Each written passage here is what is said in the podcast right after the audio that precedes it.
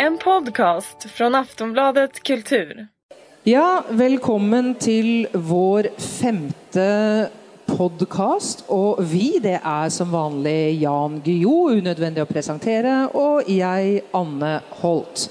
Denne gangen er vi eh, faktisk på scenen til Aftonbladet i, på Bokmessa i Göteborg. Jan, eh, det er trivelig å være her. Det er hyggelig å være her, men det var lettere for 30 år siden, vil Ja. jeg minnes. Du har vært her mange ganger. Jeg har vært her 30 ganger. Ja.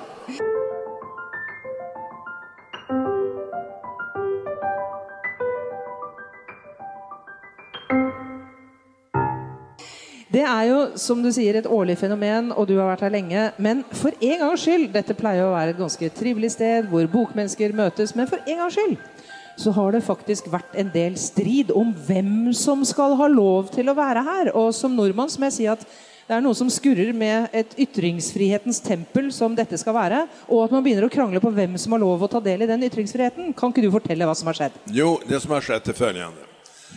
Denne Denna skal jo tilegnes særskilt ytrandefriheten. Og yttrandefriheten. oppstår den lilla, lilla komplikasjonen at en mye liten tidning som heter Nya Tider, eh, som sies være nazistisk, eh, själva påstår de att de är eh, patrioter eller någonting sånt där, men specialister på nazism säger att de här är nazister.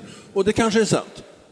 Eh, Och då blev det bråk eh, om att de skulle få närvara eh, när man skulle ha yttrandefrihetsmässa. Och jag tror att du och jag är lika frågande till det där båda två. För jag menar att nazister ska ha yttrandefrihet. Mm. Att yttrandefriheten är till för idiotuppfattningar mer än för dina och mina anständiga uppfattningar att eh, Svenska Dagbladet, Dagens Nyheter eller ens Anne Holt och Jan Guillou behöver inget särskilt skydd för yttrandefriheten. Eh, men idioter behöver mycket skydd för yttrandefriheten. Nazister har ett, eh, ett starkt behov av det. Somliga sverigedemokrater i hög grad också. Eh, det är nämligen det som är poängen med yttrandefrihet. Nettopp. Og for litt for å understreke dette poenget, så tok jo du og jeg oss en tur dit, vi, i går. Og vi fant jo ut at det var en bitte, bitte liten monter i et bitte, bitte lite hjørne av dette store, gigantiske sted. Og du kan jo beskrive hvordan det var der. Ja, altså det var jo ingen stor publik, for majoriteten av publiken der bestod av fyra ABAB-vakter og två poliser som nå måtte skydde de her figurene, eftersom de har väckt sånn oppmerksomhet. så at man mener då at kanskje eh, de skulle bli attackerade med någon tomat eller något av någon vänsterextremist eller så. Og så snakket vi litt med dem. De virket litt engstelige, de to som sto bak der. Ja, det var en, en blondin som inte var särskilt tatuerad och eh, mycket vänlig. Men eh, gjorde ingen skada som jag kunde se. Ja. Så jeg tok med meg da et eksemplar av Nya tider. Og nå har jo jeg brukt, som vi har vært inne på i noen av de tidligere podene, jeg har brukt to år av mitt liv på å forske på høyreekstremisme. Og i korthet så har jeg jo også funnet at uh, høyreekstreme, i likhet med venstreekstreme faktisk, eh, har en overtendens til å tro på konspirasjoner.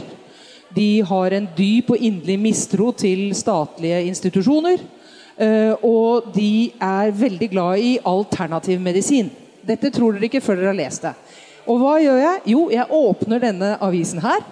Og ved siden av å se en hyllestartikkel om den filippinske presidenten Duterte altså jeg sier igjen, hyllest til ham. Grunnen til det er jo selvfølgelig at han er antiamerikansk, selvfølgelig, for det er også til felles for ytre venstre og ytre høyre. Så finner man en panegyrisk bokanmeldelse, altså en resensjon, som både du og jeg ville vært veldig glad for å få. Det her eh, beskrives med at eh, leseren faller i gråt av bevegelse over dette fantastiske, skremmende boka.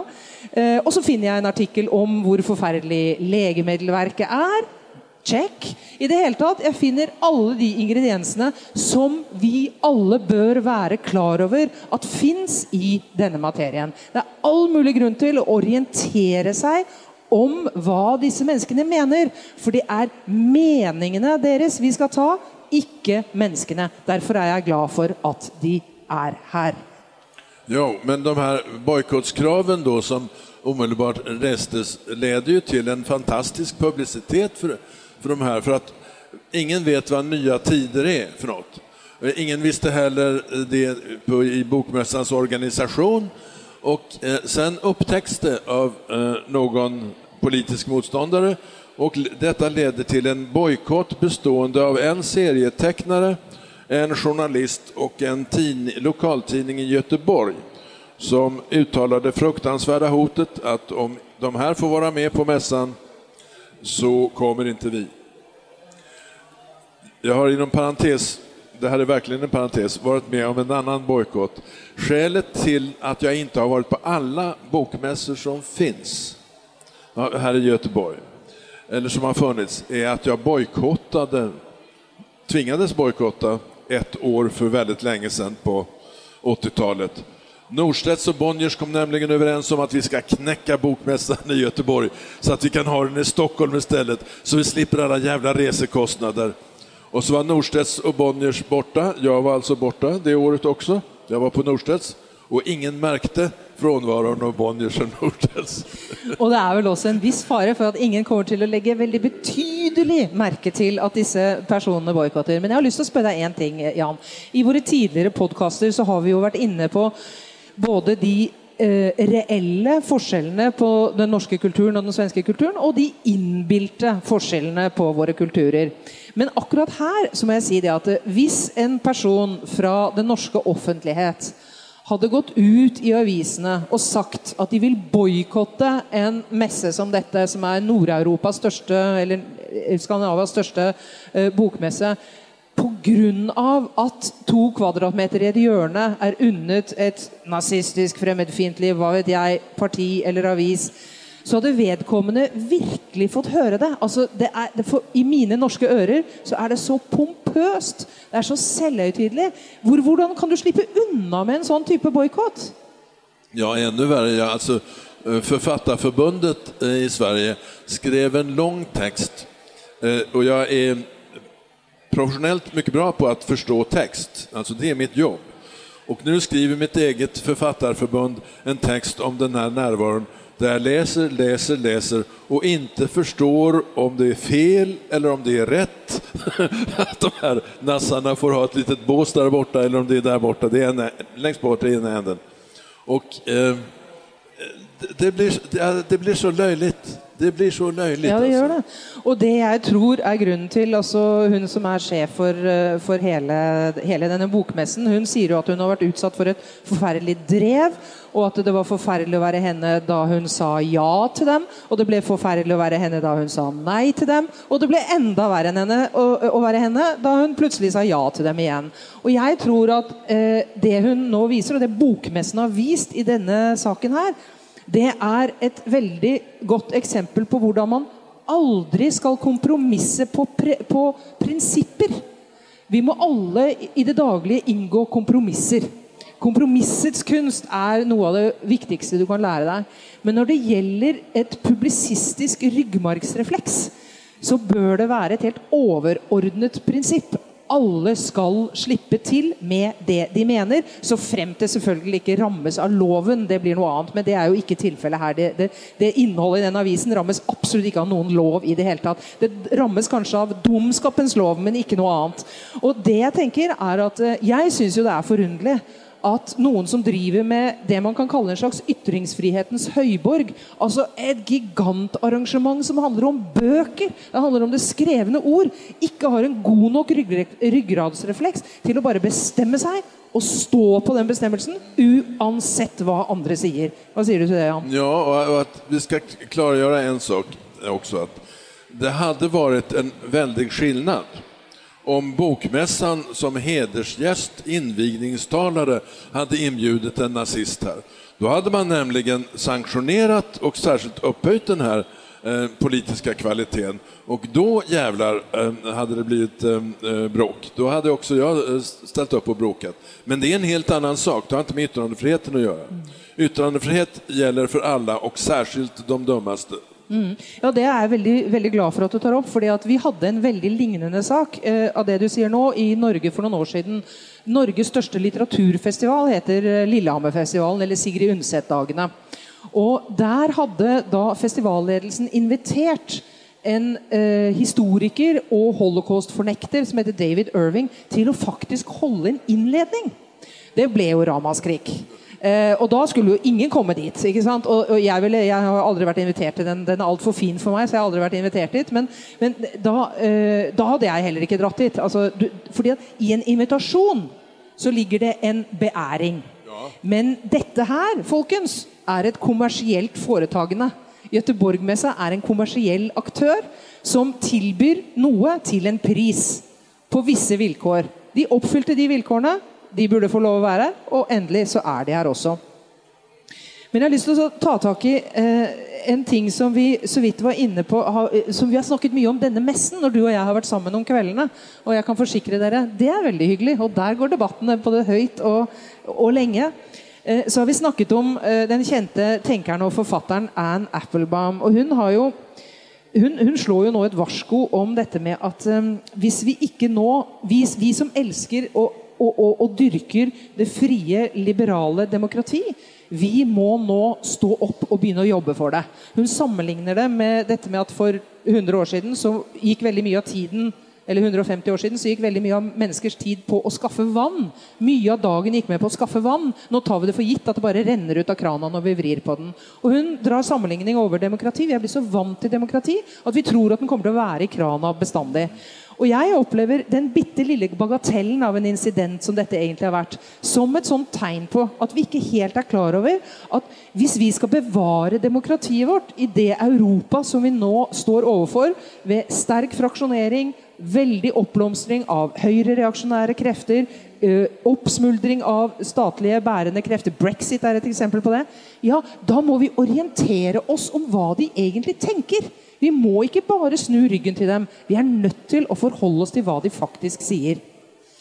Og kanskje også litt hvilke de er. Nettopp. Um, jeg kjører en, en, gimmick på uh, den danske bokmessen. Så jeg skal, jeg skal upprepa den her. Ok, hvor mange her i publiken er Sverigedemokrater? Opp med en hånd. Det var én. En. Det är rekord. Jag har gjort det här sex år i rad i Danmark. Ehm, och det har aldrig varit en hand uppe där. Och eh, skälet är att jag har haft ett eh, krangel, ett bråk med den före detta dansk folkpartiledarinnan Pia Kjærsgaard. För jag, säger, jag har varit, i 35 år har jag rest i Danmark. Men det är nästan alltid i sammanhang med böcker. Och jag har aldrig träffat en dansk folkpartist. Och det är ju för att jag är mest på bokmässor. Och då sa han, vi är minsann på bokmässan. Men nu har jag sex år i rad på Köpenhamns bokmässa frågat, har vi några dansk folkpartister i publiken? Nej, det har vi inte. Och då kan man säga, förklaringen kan bara vara en, dansk folkpartister läser inte böcker. Och eh, här var det i alla fall en sverigedemokrat eh, som eh, kanskje leser bøker. Hva vet man? For å være ærlig så tror jeg han bare reta det med oss. Ja. Ja, det... uh... Botox Cosmetic, out of botulinum toxin A, FDA approved for over 20 years. So, talk to your specialist to see if Botox Cosmetic is right for you. For full prescribing information, including boxed warning, visit BotoxCosmetic.com or call 877-351-0300. Remember to ask for Botox Cosmetic by name. To see for yourself and learn more, visit BotoxCosmetic.com. That's BotoxCosmetic.com. Ja. Uh, vi kan jo ikke være her på Bokmessa uten å snakke litt om hvorfor vi er her, Jan. Og du er her jo for å lansere din uh, Hva blir det? det sjette bok i serien? Ja. Er det? Sjette bok i den store 1900-tallsserien din. Denne gangen heter den 'Ekte amerikanska jeans'. Hva er det du vil fortelle med den boka? Ja, jeg har berettet om 10-talet, om 1920-talet, om 30-talet, om 40-talet. Mm. Og da kommer vi til 50-talet, som ikke er så lett å berette om som man skulle tro efter, bare for at jeg selv var der. Det gjør faktisk ikke saken lettere. Og eh, da har jeg skrevet en, en naiv, naiv berettelse på ett sätt i jag-form. Och de äkta amerikanska jeansen spelar roll. Jag var nämligen först i klassen med att ha äkta amerikanska jeans. Och din bok Offline Den handler jo litt om hva skal vi si, Det handler jo om akkurat det vi har snakket om nå. Altså, jeg, det er Mange som sier at jeg virker i overkant opptatt av ekstremisme. Men det er jo fordi at jeg ser på ekstremisme som vår største trussel. Mange sier jo at det er klima som er vår største trussel, og jeg er enig i at klimatrusselen er overhengende. Men, men det er noe med ekstremisme som gjør at Én en ting er at det rammer de som blir direkte rammet. Når det går av en bombe i Brussel, så er det noen som blir drept, og det er noen som blir skadet, og det er noen som blir skremt, og de blir rammet. De er ofre. Uh, og vi blir for så vidt også alle andre ofre for det vi begynner å bli. Jeg er sikkert ikke den eneste som, som blir litt mer engstelig når jeg går inn på, på flyplasser for ikke å snakke om, Da jeg kom inn her i morges og så hvordan det var her, så tenkte jeg hvis noen har lyst til å utføre en terrordåd i Sverige akkurat nå, så ville Göteborgmessa være et veldig godt sted å begynne. Uh, så vi blir alle på en måte preget. Men det som er enda farligere, og som jeg er mye mer bekymret over, det er den måten ekstremismen som trussel gjør oss gladelig i stand til å levere fra oss det som er det viktigste vi eier, nemlig oss selv. Vi tillater i stadig større grad en overvåking fra statlig hold, en overvåking fra politiet. Det er stadig diskusjoner om DNA-registre, om overvåking av all elektronisk kontroll osv. Eller all elektronisk eh, eh kommunikasjon osv. Og det folk da argumenterer med, det er det verste argumentet jeg vet, det er det, ja, men jeg har rent mel i posen, så det gjør ingenting om noen kikker opp i den. Poenget er at det rene mel i posen vil jeg ha for meg selv. Dessuten, i min pose så ligger det litt grått mel også.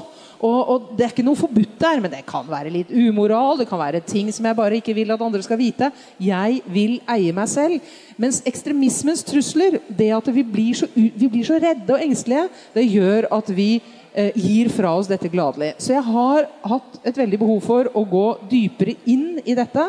Og har da skrevet eh, offline, som i veldig stor grad handler om eh, eh hvordan Norge ville reagert på et terrorattakk dersom det ikke var en statsbærende institusjon som regjeringen som ble rammet. Dersom det ikke var noe så vakkert som unge nordmenn på en sommerleir. Det er jo så symbolsk. Hvis det ikke var det, hadde vi da sett rosetog? Hadde vi da sett kjærlighetsbudskap fra kronprinser og statsministre? Jeg lar nemlig en islamsk organisasjon gå til helvete. Sprenges midt i Oslo sentrum. Og så lar jeg mistanken kastes på en jihadistisk organisasjon.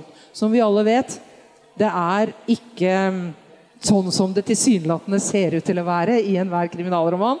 Så kanskje det er ikke jihadister som har gjort dette likevel. Men det jeg forsøker å si noe om, det er jo hva ekstremismen gjør med oss, og hvordan ekstremismen skaper fronter i samfunnet, og hvordan vi er villige til å gi opp ting som vi absolutt ikke burde være villige til å gi opp i det hele tatt. Det er det mest verdifulle vi har.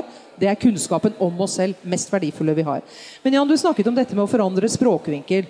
Og eh, når du går inn i en fortelling, en jeg-fortelling med en svært mye yngre person enn det du er selv etter hvert um, hva, hvilke utfordringer møter du når du må se historien nedenifra? Jeg holdt på å si I et froskeperspektiv, for det er det man gjør når man går inn i et barns hode.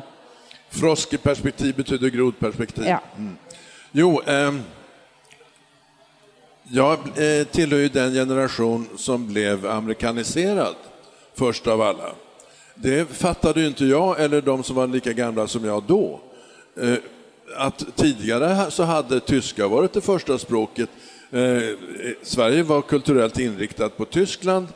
Eh, men nu kommer någonting nytt och är man utsatt för det så förstår man ju inte vad som har varit tidigare. Så det var, det var en stor sak att vara först med amerikanska jeans. Och jag har smugglat Coca-Cola till Sverige. Från Norge, va? Ja, ja, ja, jag hade ju mina norska förbindelser. Så att vid olika tillfällen så har jag med bankande hjärta suttit på Svinesundsbron med ett sexpack gömd Coca-Cola under sätet och varit rädd att tullen skulle upptäcka denna förbjudna dryck som jag sen tog hem och bjöd mina kamrater på som jo så som jag idag skulle bjuda på en eh, 1982 Chateau Latour eller någonting sånt. Och de fick vi behålla tomflaskorna. Wow. Det er litt morsomt at du sier dette med Coca-Colaen, for som i en parentes bemerket da jeg var ung, 15 år senere, altså på 70-tallet, så smuglet vi med oss Coca-Cola fra Sverige over til Norge.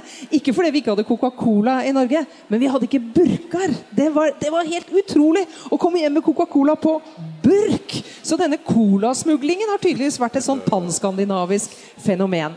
Men i denne epoken og i denne, altså denne 50-tallsromanen, som da blir det dykket vi har ned på 50-tallet, før vi i neste bok skal over til 60-tallet, hva er det du forsøker å fortelle? Hva er det ved 50-tallet som du ønsker å formidle? Blandningen mellom det idylliske, som det her med Coca-Cola-forbud og jeansforbud og sånt, og eh, det, det mycket allvarligare atombombshotet, eh, skräcken för det sovjetiske anfallet. Eh, Sverige har vid den här tidpunkten 800 eh, stridsflygplan, i, ja, jaktplan. 800 J-29 flygande tunnan och de är inte till, som svenskarna tror, i första hand för att möta ett inkommande sovjetiskt bombflygsanfall. De här åtta planen är till för någonting annat. Vet du vad? Nei. Eh, Det borde du veta som norrbagge.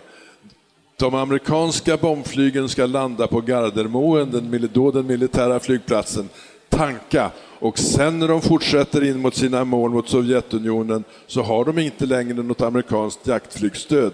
De har 800 svenska plan på sin sida. Det var tanken och den är ju rätt isande eftersom vi i allmänhet inte hade en aning om det här. Nej. Så att 50-talet är idyll. Rock'n'roll rock kommer och myndigheterna var vansinniga. Ja, Det var jo en revolution da rock'n'rollen kom. Ja. Alltså, I den första filmen eh, Vänd dem inte ryggen med Henry Fonda så är det en introduktionslåt, en rocklåt, alltså till förtexterna eh, av Bill Haley and his Comets. Och den heter Rock around the clock.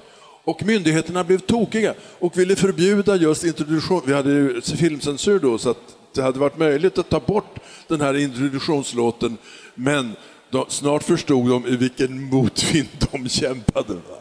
Sista försöket från svenska myndigheter är att åtminstone få stopp på den där Elvis Presley. Filmerna med Tommy Steele var barntillåtna. Filmer med Elvis Presley var barnförbjudna.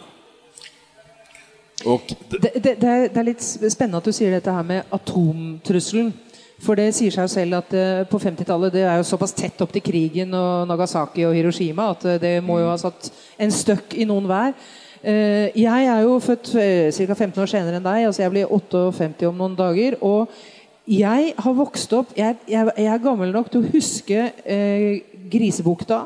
Jeg er gammel nok til å huske Cuba-krisen. Jeg er gammel nok til å huske hele begynnelsen av den kalde krigen og gjennom hele min barndom og ungdom. Og jeg må ærlig talt innrømme at jeg kan fortsatt, i en alder av snart 60 år, så kan jeg fortsatt, nesten en gang i uken, våkne opp midt på natten av et forferdelig mareritt. Og det marerittet er at jeg ser atomsoppen i det fjerne. Jeg lurer på hva som kommer til å være det vår oppvoksende generasjon nå kommer til å ha mareritt om når de blir 60 år. Atomtrusselen satte et enormt preg på min generasjon. Nei, jeg tror eh, atombombskräcken har vi kommet over. Ja, for lenge siden. Terror, terrorbalansen fungerer nemlig. ja, men tror du at våre ungdommer kommer til, så når de blir gamle, å ha dette altså, Det var mer terror på 70-tallet enn det er nå, eh, altså rent antallmessig. Ja. Da vi hadde IRA og Rota armé og alt dette. Men nå dekkes det jo altså Forskjellen er jo at vi har så utrolig mye medier som dekker det hele tiden. Og det er helt klart at barn blir utsatt for det. Og jeg så jo barn rundt meg, hvordan de reagerte på 22.07, da, da også Norge ble rammet av et veldig alvorlig terrorråd. Tror du det er den nære terroren, altså den, den, denne type terror, tror du det er det som oppvoksende generasjon kommer til å dra med seg inn som et mareritt i fremtiden? Jo, men ikke som den største mar, mareritt, altså. Mm. Mardrømmen er eh, nære på det settet at vi kan begynne å forestille oss marscherande brunskjortor på gatorna i stor mängd. Att vi ska göra om det här med en eh, högerextremism som har rasism och utlänningsfientlighet som sin st- största drivkraft. Eh, det, eh, är- det finns stora olikheter eh, naturligtvis mellan vår tids högerpopulism och 30-talets fascism. Men det finns eh, väldigt stora likheter också, framför allt att rasismen är det grundläggande motorn bakom de här hatrörelserna. Vad skal vi gjøre? Skriva... Eh, Skrive kronikk? Ja, det, det är, Jag är inte säker på att världen har blivit bättre av mitt skrivande. Eh, Jag har inte märkt några påtagliga tecken på den saken, men principen är rätt. Men skal vi bare si at vi burde alle gjøre som eh, Anne Applebaum anbefaler? Vi må slåss for dette liberale, åpne demokratiet hver eneste dag på hver vår måte? Ja, det, Ja. Det er vel det.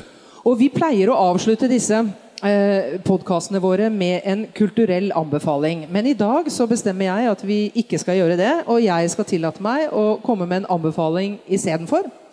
Og det er at eh, Og den går jo selvfølgelig ikke til våre lyttere, for de er ikke her på bokmessen. Men for dere som er på bokmessen, prøv å finne denne standen til nye tider. Gå bort på et artig vis. Spør om dere kan få denne tidningen her. Så tar dere den tidningen og så leser dere litt i den. Ved å lese litt i den, så vil dere se hva de tenker, og dermed få et bedre inntrykk av hva vi hver dag må kjempe mot. Når dere har lest den, så putt den i den nærmeste soptønna, for da blir de tom for aviser allerede på messens første dag, og da har de ikke noe lenger noen grunn til å stå der. Takk for oss.